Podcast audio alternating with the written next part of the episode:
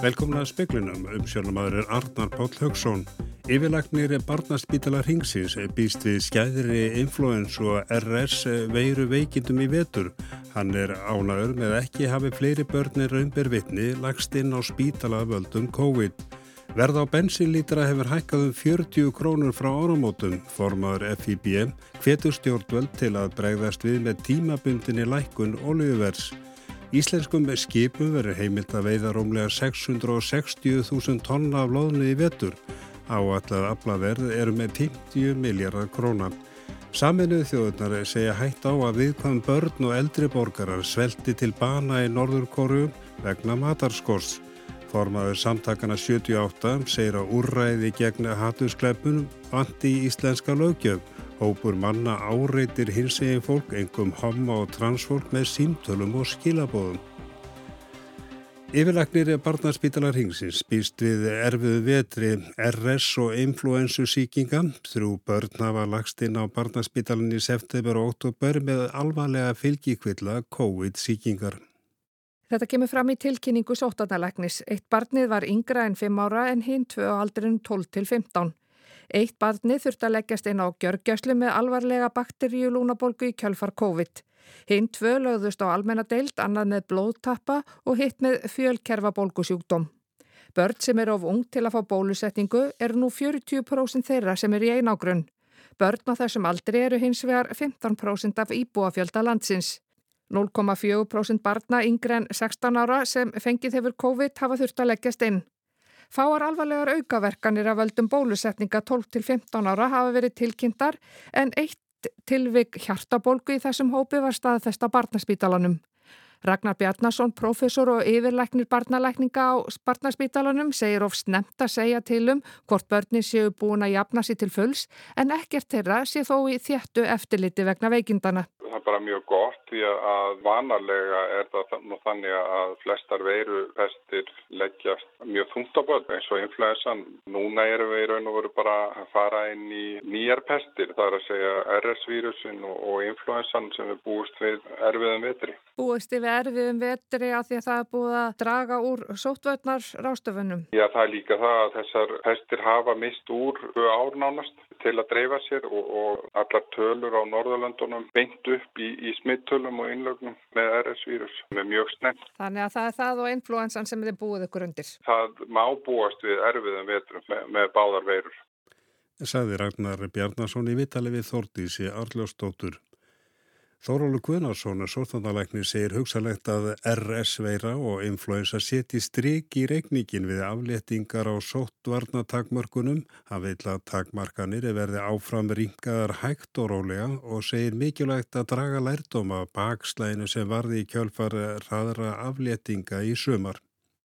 Og svo eru menn að spá því jafnvel að það geti, influensan getur orðið alvarlegri í vetur að því hún gekk ekki í fyrra eh, heldur en áður og og, og, og við þurfum að hafa það í huga þegar við verum að hugsa um að, að venda eh, helbriðiskerfið.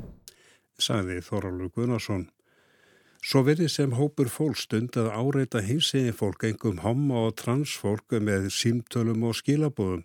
Ekkir vita hver margir þeir eru, formaður samtakana 78, segir skorta úrræði gegn hatusklæpum í íslenska lögjöf. Þorbjörg Þorvaldstóttir formaður samtakana 78 segir þá sem þetta stunda greinilega vilja vekja ótta meðal minnilhutahópa. Hún segir ekki vitað nákvæmlega hverjir sé á ferðinni en unnið sé að rannsókna því. Á samfélagsmiðlum ganga nú upptökur af samtölum þar sem karlmenn segjast tilheyra hommabönum. Þeirra hlutverk sé ekki að drepa homma heldur að drepa homman í viðmælendum sínum. Þorbjörg bendir á að andúð og ofbeldi gegn samkynheiðum, ekki síst transfólki, fari vaksandi í ímsum nágrannalöndum okkar. Þetta endur spekli gamalgrónar hugmyndir um hvað það sé að vera karl og kona. Það þarf endalust að endur nýja þessa barátt vegna þess að það, það er eitthvað neina, það klárast aldrei alveg þegar hatturskleipur aukast gegn einum hópi hins veginn fólks að það aukast er skakvart öllum. Þorbjörg segir að dæmi frá öðrum löndum síni að mjög illa geti farið en það verði minnulhutta hópar fyrir ofbeldi á Íslandi. Og, og auðvitað þurfum við alltaf að óttast á og þurfum alltaf að reyna að búa til samfélag þar sem er, þetta er ekki möguleiki. Þorbjörg telur mjög mikilvægt að setja lögjöf sem tekur á hatturskleipum og að það sé farið í uh, átök til þess að koma í vekk fyrir hatturskleipi og til þess að stöðva þetta miklu fyrir. Sagði Þorbjörgu Þorvaldstóttir, Markus Þoraldsson tók saman. Bensinverð hefur hækkað um 40 krónur frá áramótum er það helstræki til hækkunar á heimsmarkasverði. Formaður FIBM hvetur stjórnvöld til að breyðast við með tímabundinni lækkun oljuvers. Bensinverð á Íslandi er í hæstu hæðum. Algengt útsöluverð hefur hækkað um 40 krónur frá áramótum og lítraverð á höfuborgarsveðinu slagar nú víða upp í 270 krónur, þótt að sé lagra á stöku stað í borginni. Hækkunin er helst rakinn til hækkunar á heimsmarkasverði. Það er tæpur þriðjungur af útsöluverði en hefur nær tvöfaldast á árunnu samfara aukinni eftirspurt nú þegar hækkerfi heims taka við sér eftir faraldur. Og von er á áframhaldandi hækkun.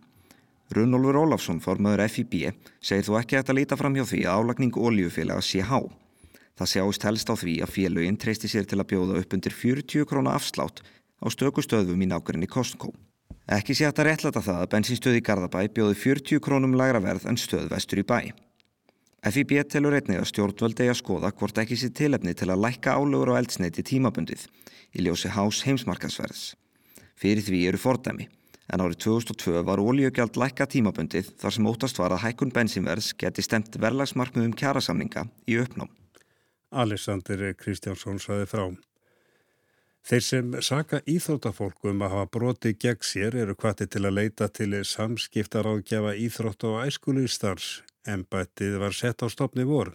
Sigurbjörg Sigurpálsdóttir gegnir embættunum. Hún segir þá sem finnist að á sér sé brotið ráða í hvaða farveg mál þeirra farið þegar mál koma inn á borð samskiptaráðgjafa að þá er öllum bóðið viðtal til þess að kanna mál þeirra betur og, og, og fá frekari upplýsingar og ef um fullorðna einstaklinga er að ræða að þá fá þeir að ráða för sjálfis. Sigurbjörg bendir á að þeir sem hafa hlutið dóm fyrir kynferðisbrot eða fíknefnamál meiga sangkvæmt íþrótt og æskulislögum ekki í fimm ár frá dómi starfa hjá íþróttafélagum sem eru með barnastarf Eðrilegt sé að krefjast þess að þeir sem hafa verið kjarðir fyrir brot stýi til hlýðar en þið sama gildi ekki endilega þegar íþróttafólk hafa verið sakað um að brjóta af sér. Þegar um, um óformlegri málir að ræða þá eru línum bara ekki alveg eins skýrus. Þetta var Sigur Björgu Sigur Pálsdóttir, rætt var við hann í síti í sútvarpi Rásar 2. Kristín Siguradóttir tók saman. Fjöldi norðurkorjumanna, engum við hvaðum börn og eldri borgarar, á, á hættu að svelta til bana vegna skorts á matvælum. Aflita þarf er efsi að gerum gagvart landinum til að koma í vekk fyrir hungursneið. Það er Tómas Okkea Quintana erindreiki saminuðu þjóðana í mannreittindamálum Norður Kóriðu sem vekur aðtikli á ástandinu. Tveir þættir segir en að valdið því fyrst og fremst, annars vegar refsi aðgerir allþjóða samfélagsins vegna kjarnorku áallunar ráðamanna og hins vegar svo ákförðin þeirra að loka landinu vegna COVID-19 farsótarinnar. Fyrir vikið eigi norður kóruumenn í erfileikum með að lifa mannsæmandi lífi. Hann leggur til að efnahagslegum refsi aðgerðum gegn þjóðinni verði aflétt þannig að komið verði í veg fyrir hungursneið í landinu. Margar vísbendingar eru um að efnahags ástandið í norður kóriu sé afar báborið um þessar mundir. Eftir að ráðamenn lokuðu landinu hafa viðskipti við Kína hrunið en landsmenn hafa reitt sig á að fá matvæli, áburð og eldsneiti þaðan. Ríkisfjölmiðlarnir í Pyongyang höfðu í vikunni eftir Kim Jong-un einræðisherra að viðblasti af var slemt ástand. Bandaríkjafórsiti hefur líst sig reyðubúin til viðræðina við norður kóruumenn og að slaka á efnaðagstvingunum en aðeins að því tilskildu að þeir eigði kjarnorkuvopnabúri sínu. Kim Jong-un sagði fyrir þessari viku að það kem ekki til greina, norður kóruumenn þyrtu á slíkum vopnum að halda til að geta varið sig. Áskýr Tómasson sagði frá. Kristján Þór Júliusson sjávarútvegs og landbúnaráþra hefur undirritað reglugjær sem heimilar íslensku skipum veiðar á tæplega 663.000 tónnum af loðnu í vetur. Nýveri kynnti Hamrarssonarstofnur ágjöf fyrir loðnu veiðar á komandi verti upp á 904.200 tonn. Af því færi Íslanda 80% eftir að teki yfir í tillit til tvíliða samninga við önnu ríki. Þetta vekur vonur um að vertiðin verði svo stæsta í tæpi 20 ár en, en aflavermætti vertiðarinnar er áallaðum 50 miljardar króna. Hjá náttúruhamfaratryggingu Íslands sjást ekki greinileg merkjum að áhætta af veðufarstengdum atbyrðum hafi aukist en öskriður veki upp spurningar um veðufarsbreytingar sem þarf að taka mjög alvarlega. Þetta sé sviðstjóri vátryggingasviðs. Ef það er þakk þá er það tryggt hjá okkur. Þetta er ekki slagur tryggingafélags eins og mætti halda. Hér er sviðstjóri vátryggingasviðs náttúru hamfara trygginga, Jón Örvar Bjarnason, að útskýra fyrir speklinum hvað er tryggt hjá stopnuninni og hvað ekki. Það leikur nefnilega ekki alveg í augum uppi. En það er skilda að bruna tryggja allar húsegnir á landinu og samhliða því er skilda að tryggja allar húsegnir gegn náttúruhamförum. Yðgjaldið er innheimt samhliða brunatryggingunni og rennur til náttúruhamfara trygginga. Því er allt með þakki tryggt þar. Öll landsins heimili, skólahús, bókasöpn, allt heila klappið og meira til. En hvað með tún, bænda, brýr og allskynns innviði? Það eru tiltekinn mannverki sem eru líka skildutrið hjá náttúruhamfara tryggingu og það eru sagt veitur, veitukerfi í eigu ríkis og sveitafélaga og svo eru það brýr og skíðaliftur og hafnarmannvirki. Tún og slík, landgæði og slíkt, það er ekki hægt að tryggja það hjá náttúruhamfaratryggingu.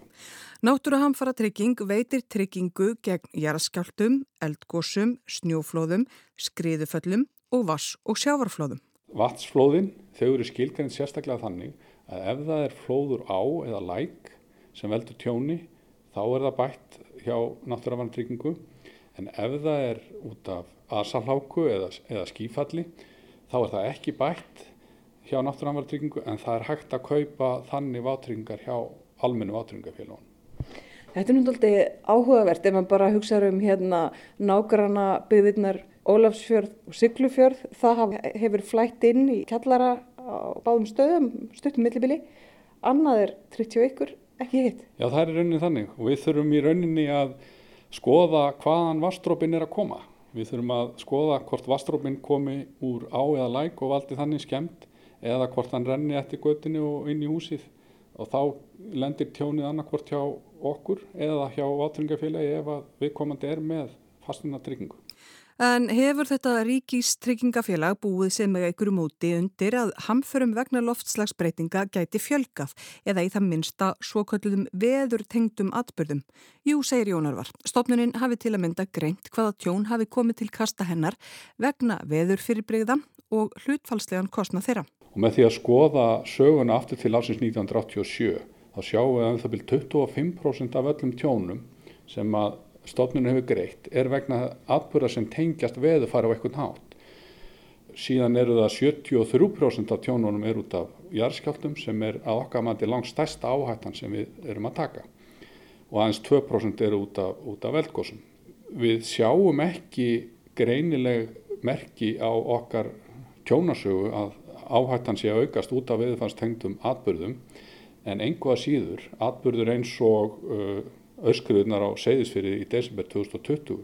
Það vekja sjálfsögðu upp spurningar hvort að þessi úrkomu ákveð sem þar varð sé sterk vísbending um veðufarsbreytingar sem við þurfum að taka mjög alvarlega. Greittar tjónabætur út af seyðisfyrði eru ekstar rúmlega 1 miljardur króna og meðal tjón til langstíma hjá náttúrafandryggingu er ekstar í kringum 1 miljardur þannig að þetta er eins og eins árs meðal tjón. En það eru stóru atbyrðinir sem að búa til meðaltjónið eins og jarðskjáltin árið 2008 á Söðurlandi sem að myndi í dag kosta eitthvað staðir í kringum 20 miljardar króna. Þannig að það er svona geysilega mikill munur.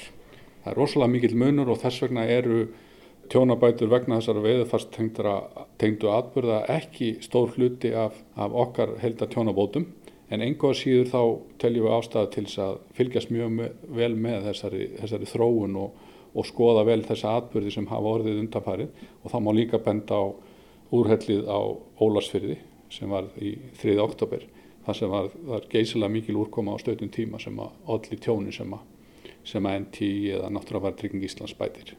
Þá kemur að þeim kaldranarlega veruleika að það þarf að meta meðal annars fjárhagslega hvernig eða hvort að borgi sig að verja tiltekinn svæði.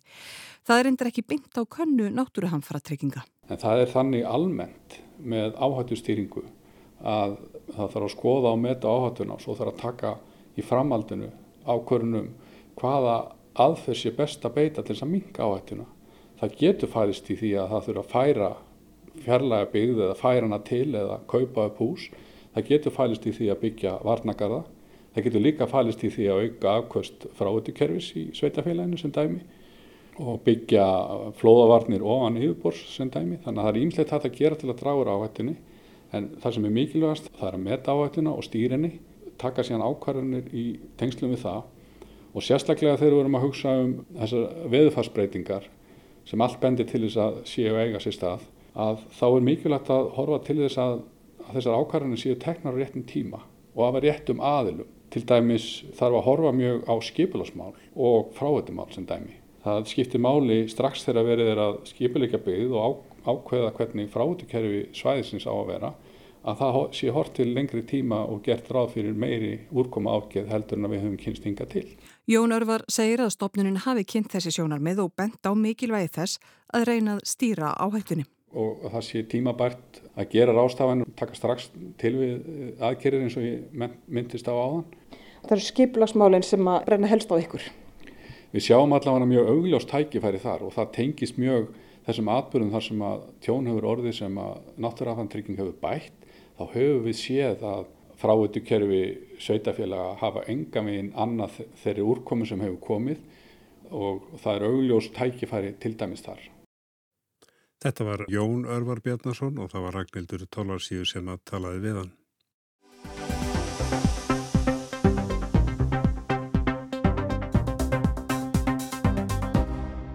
Í viðræðum ríkistofnarflokkana þryggja gæti reynst erfitt að komast að sameiglegri niðurstöðum stopnun Hálendistjókars. Málið strandaði í þingin og var sendt aftur í öngurins-ráðunitið. Í stjórnarsáttmálanum er reyndar hveð á um mið Hálendistjókarð Orðið segir þar, stopnaður verðir þjóðgarður á miðhálendinu í samráði þver pólitískrar þingmannanemdar, umhverfis og auðlindaráðnitisins, sveitarfélaga, náttúruvendar og útivistarsamtaka og annara hagsmjöla.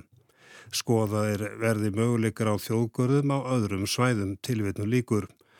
Gaggrínisrattir eru af ymsum toga en líklega vegur þingsta sumum þykir að hálendis þjóðgarður muni þrengja verulega virkjana kostum á hálendunum. Átökin eru líka hreinlega um það hvort að það þurfi að virkja meira vegna orkuskiptana sem eru framöndan. Annað máli er að mörgum finnst að rammáætlunni sé alls ekki að virka og taka verðu upp nýtt kerfi. Mjög hefur dreyjist að afgreða hana þó hún hafi verið lögð fyrir alþingi í þrýgang. Þar er að finna sjö vassapsvirkjanir í nýtingarflokki, tíu jarvarmavirkjanir og einni vindorkugarð. Ekkert hefur verið hægt að vinna við þessa virkjanakosti vegna þess að dreyist hefur í fimm ár að afgreða rammaáallun. Hafa verið í hugað síðasta áallun var afgreitið 2013 en miðar við að áallunin sé endun í þá fjögra ára tífambili. En ymsir voru ósáttir þegar ljóst var að rammaáallun næði ekki fram að ganga á alþingi. Reyndar var sér ákveðum afgreifslu vindorku sem var ekki heldur samþygt. Það þýðir að enn er algjör óvissum hvernig er að taka á vindorkunni þó að margir býða til því að geta hafið framkvæmdir. Speillin er rætti við Guðna A. Jóhannesson fyrirverandi orkumálastjóra í vorum. Hann saði ljóst að stjórnsísla í raforku virkaði ekki sem skildi og þetta hefur auðvitað alvarlegar afleiðingar fyrir samgefnishæfni landsins vegna þess að þetta er það sem fyrir menn fyrst líta til þegar þeir hugsa um innað og uppbyggingu og, og nýja atvinnukosti. Hörður Arnarsson, fórstur í landsvirkjunar, segða að dráttur á afgreðslu rammávallunar hefði ekki mikil áhrif á landsvirkjun þegar væri verið að vinna að ímsu verkefnum. Það var þó ekki sátur við að rammaáallunni hefði dreyist fram úr hófi. Jú, það er ekki nokkur vafi og ég held að það er hljóta að vera tímabært að, að við alveg ekki veltiði fyrir sér hvernig þetta verkværi er að virka. Því þetta var náttúrulega verkværi sem átti að stuðla að sátt um þessi flóknu viðvangsefni en nú er þessi reynislega sem við erum að fá. Þá getur við spurt okkur að því er það að takast þegar þetta tekur svona eh, langan tíma og það er ekki hægt að afgreða uh, málinn í þinginu.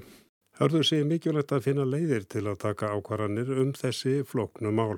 Því sannarlega þarf framtíðin nýjar virkjanir ef við ætlum að standa í orkusskiptum, ef við ætlum að blikja hennu upp öflutt atvinnulíf, þá þurfum við að finna leiðir en, en við erum að lenda á okkurni endarstöð finnst mér við þetta ákvæmdökuferli. Hildegunur Torsteinsson, framkvæmdar stýra rannsókn og nýsköpnar hjá orkuveitunni, sagði þegar ljóst var að rammavallunir ekki afgreitt að hver maður og konarindar sæi nú að kerfið væri ekki að virka. Tafir á samþýtti rammavöllunar væru þess valdandi að ekki veri hægt að rannsaka þá virkjanakosti sem er settir að veri í nýtingarflokk. Hún gaggrindi stjórnsýsluna. Hún bara virkar ekki. Stjórnsýslan í þessum málflokki, þessi, þessi frestun á þessu ferli sínir bara að við þurfum að grípa í taumana. Og, og það er ábyrð pólitíkunar og ráðamanna og ráða fólks að finna lausna á þessu. Og til að við sem samfélag þurfum að hafa leið til að taka ákvarðanir í þessum mikilvæga málflokki og við þurfum að hafa samtalið og hugmyndin og rammaállun uh, að, að hafa eitthvað ferlið þar sem þetta samtalætti sér stað meðal sérfræðinga og, og færi svo inn í pólitíkinu og væri tekin ákvarðan var mjög góð en, en hún er ekki að virka og þá þarf að grýpa inn í og það má ekki líða mörg ár áður við gerum það. Og þetta voru brotur nokkur viðtölum í speiklinum, hins vegar er tekist á um það hvort uh, það þurfi að virkja meira vegna orkuskiptana. Ímsir hafa bent á það, svo sem er Tómas Már Sigursson fórstjóri HS Orku í viðtali í morgunblæðinu nýlega. Og Páll Erland, framkvæmdastjóri Samorku, sæði í speiklunum í ágúst að þörfæri á um 300 megavöttum vegna orkuskipta í samgangum og samtalsum með 1200 megavött vegna orkuskipta á landi, lofti og sjó og enn meira þyrti vegna orkuskipta í millilanda samgöngum. Pál var spurður hvort að hálendis þjóðgarður myndi þrengjað orkunýtingu. Það sem að blasir við er að vaksandi samfélag þarf sífælt meiri orku hér eins og í öðrum löndum og við þurfum að tryggja eh, nýja orku inn á kerfið fyrir heimili og, og atvinni í landinu og núna ekki síst eh, fyrir lofslagsmálinn og sérstaklega ef það var að hraða orkuskiptum og það sem við erum að benda á er að það er að vera að taka mjög stórar ákvarðinir um að útiloka græna orkunýtingu þjóðarinnar á sífælt stærra landsvæði sem jáfnframt er ríkt af orkulindum án þess að hort sé til þess hvernig reyna orskan sem að uh, þjóðin þarf á að halda eigi að, uh, að vinnast og hvaðan hún eigi að koma og það er stóra ábendingin okkar. Og þetta var Pál Erland.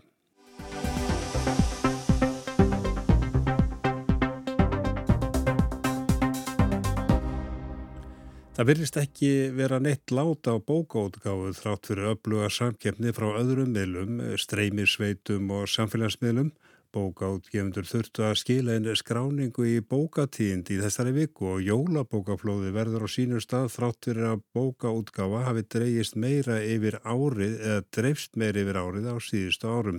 Speillin er rætti við Pétur Má Óláfsson, útgefend og stjórnamanni í félagi íslenskra bókaútgefenda og spurði fyrst hvers kynns bækur væru gefnar út á þessu ári.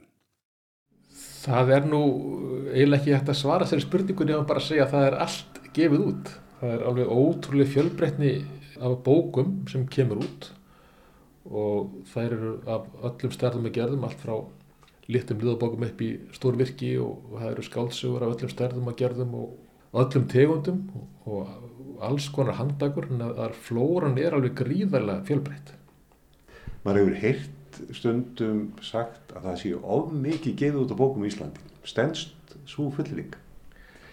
Ég held að það hafi verið sagt undanfærin sko 40 ár á hverju ári. Það, það sé alltaf mikið gefið út á bókum og það er bara gaman að skrifa bók og það er gaman að, að gefa út bók og, og það er tilturlega auðvelt að gefa út bók ef mann brenna fyrir því og eru búin að skrifa bók sem að kannski er búið að hafna hjá einhvernum forlögum að þá er ekki drosalega flókið að komin á markað í svona lágmarkstreifingu. Það hefur alltaf verið fjöldi einirkja sem að kemur með bók fyrir jólin og svo bara hverfa þeir aftur á braun eins og gengur eða sem er alltaf áfram. Það er alltaf sagt að það er, það er aldrei verið meira að gefa út eða svona líku við. Ef lítur bara til svona síðustu 10 til 15 ára, hvernig hefur þróunin verið í því hvers konar bækur eru getað út? Það sem hefur breyst á síðustu árum er það náttúrulega fyrsta lagi hafa glæpasugur unni sér inn sess. Þegar Arnaldur komið sína fyrstu glæpasugu 97 þá vorum við feimin við að, að segja glæpasaga. Við sögum spennandi skáldsaga. En nú er glæpasaga orðin reynilega viðtekinn bókmyndagrein á Íslandi og það er þeir höfundar sem að margi hverju bera út hróður Íslands víðast. Það er mikil gróska í barnabókum. Við sjáum að það er einn hefðbenna samtalsæfisaga.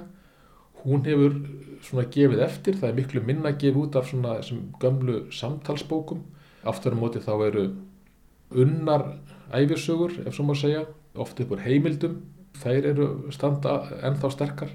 Við sjáum alls konar handbækur bæði um ímið svona áhuga mál og náttúr Íslands og sög kannski ef maður á einhverja grein einhverja stóra línur þá er eins og segi samtalsæfisagan hefur gefið eftir það er gróska í barnabókum glæpasugur blómstra og svo er íslenska skáltsagan hún stendir styrkum fótum og við sjáum bara það að það sem er breyst á kannski á undanfættum árum er það að það er orðið erfiðara að, að hafna handritum.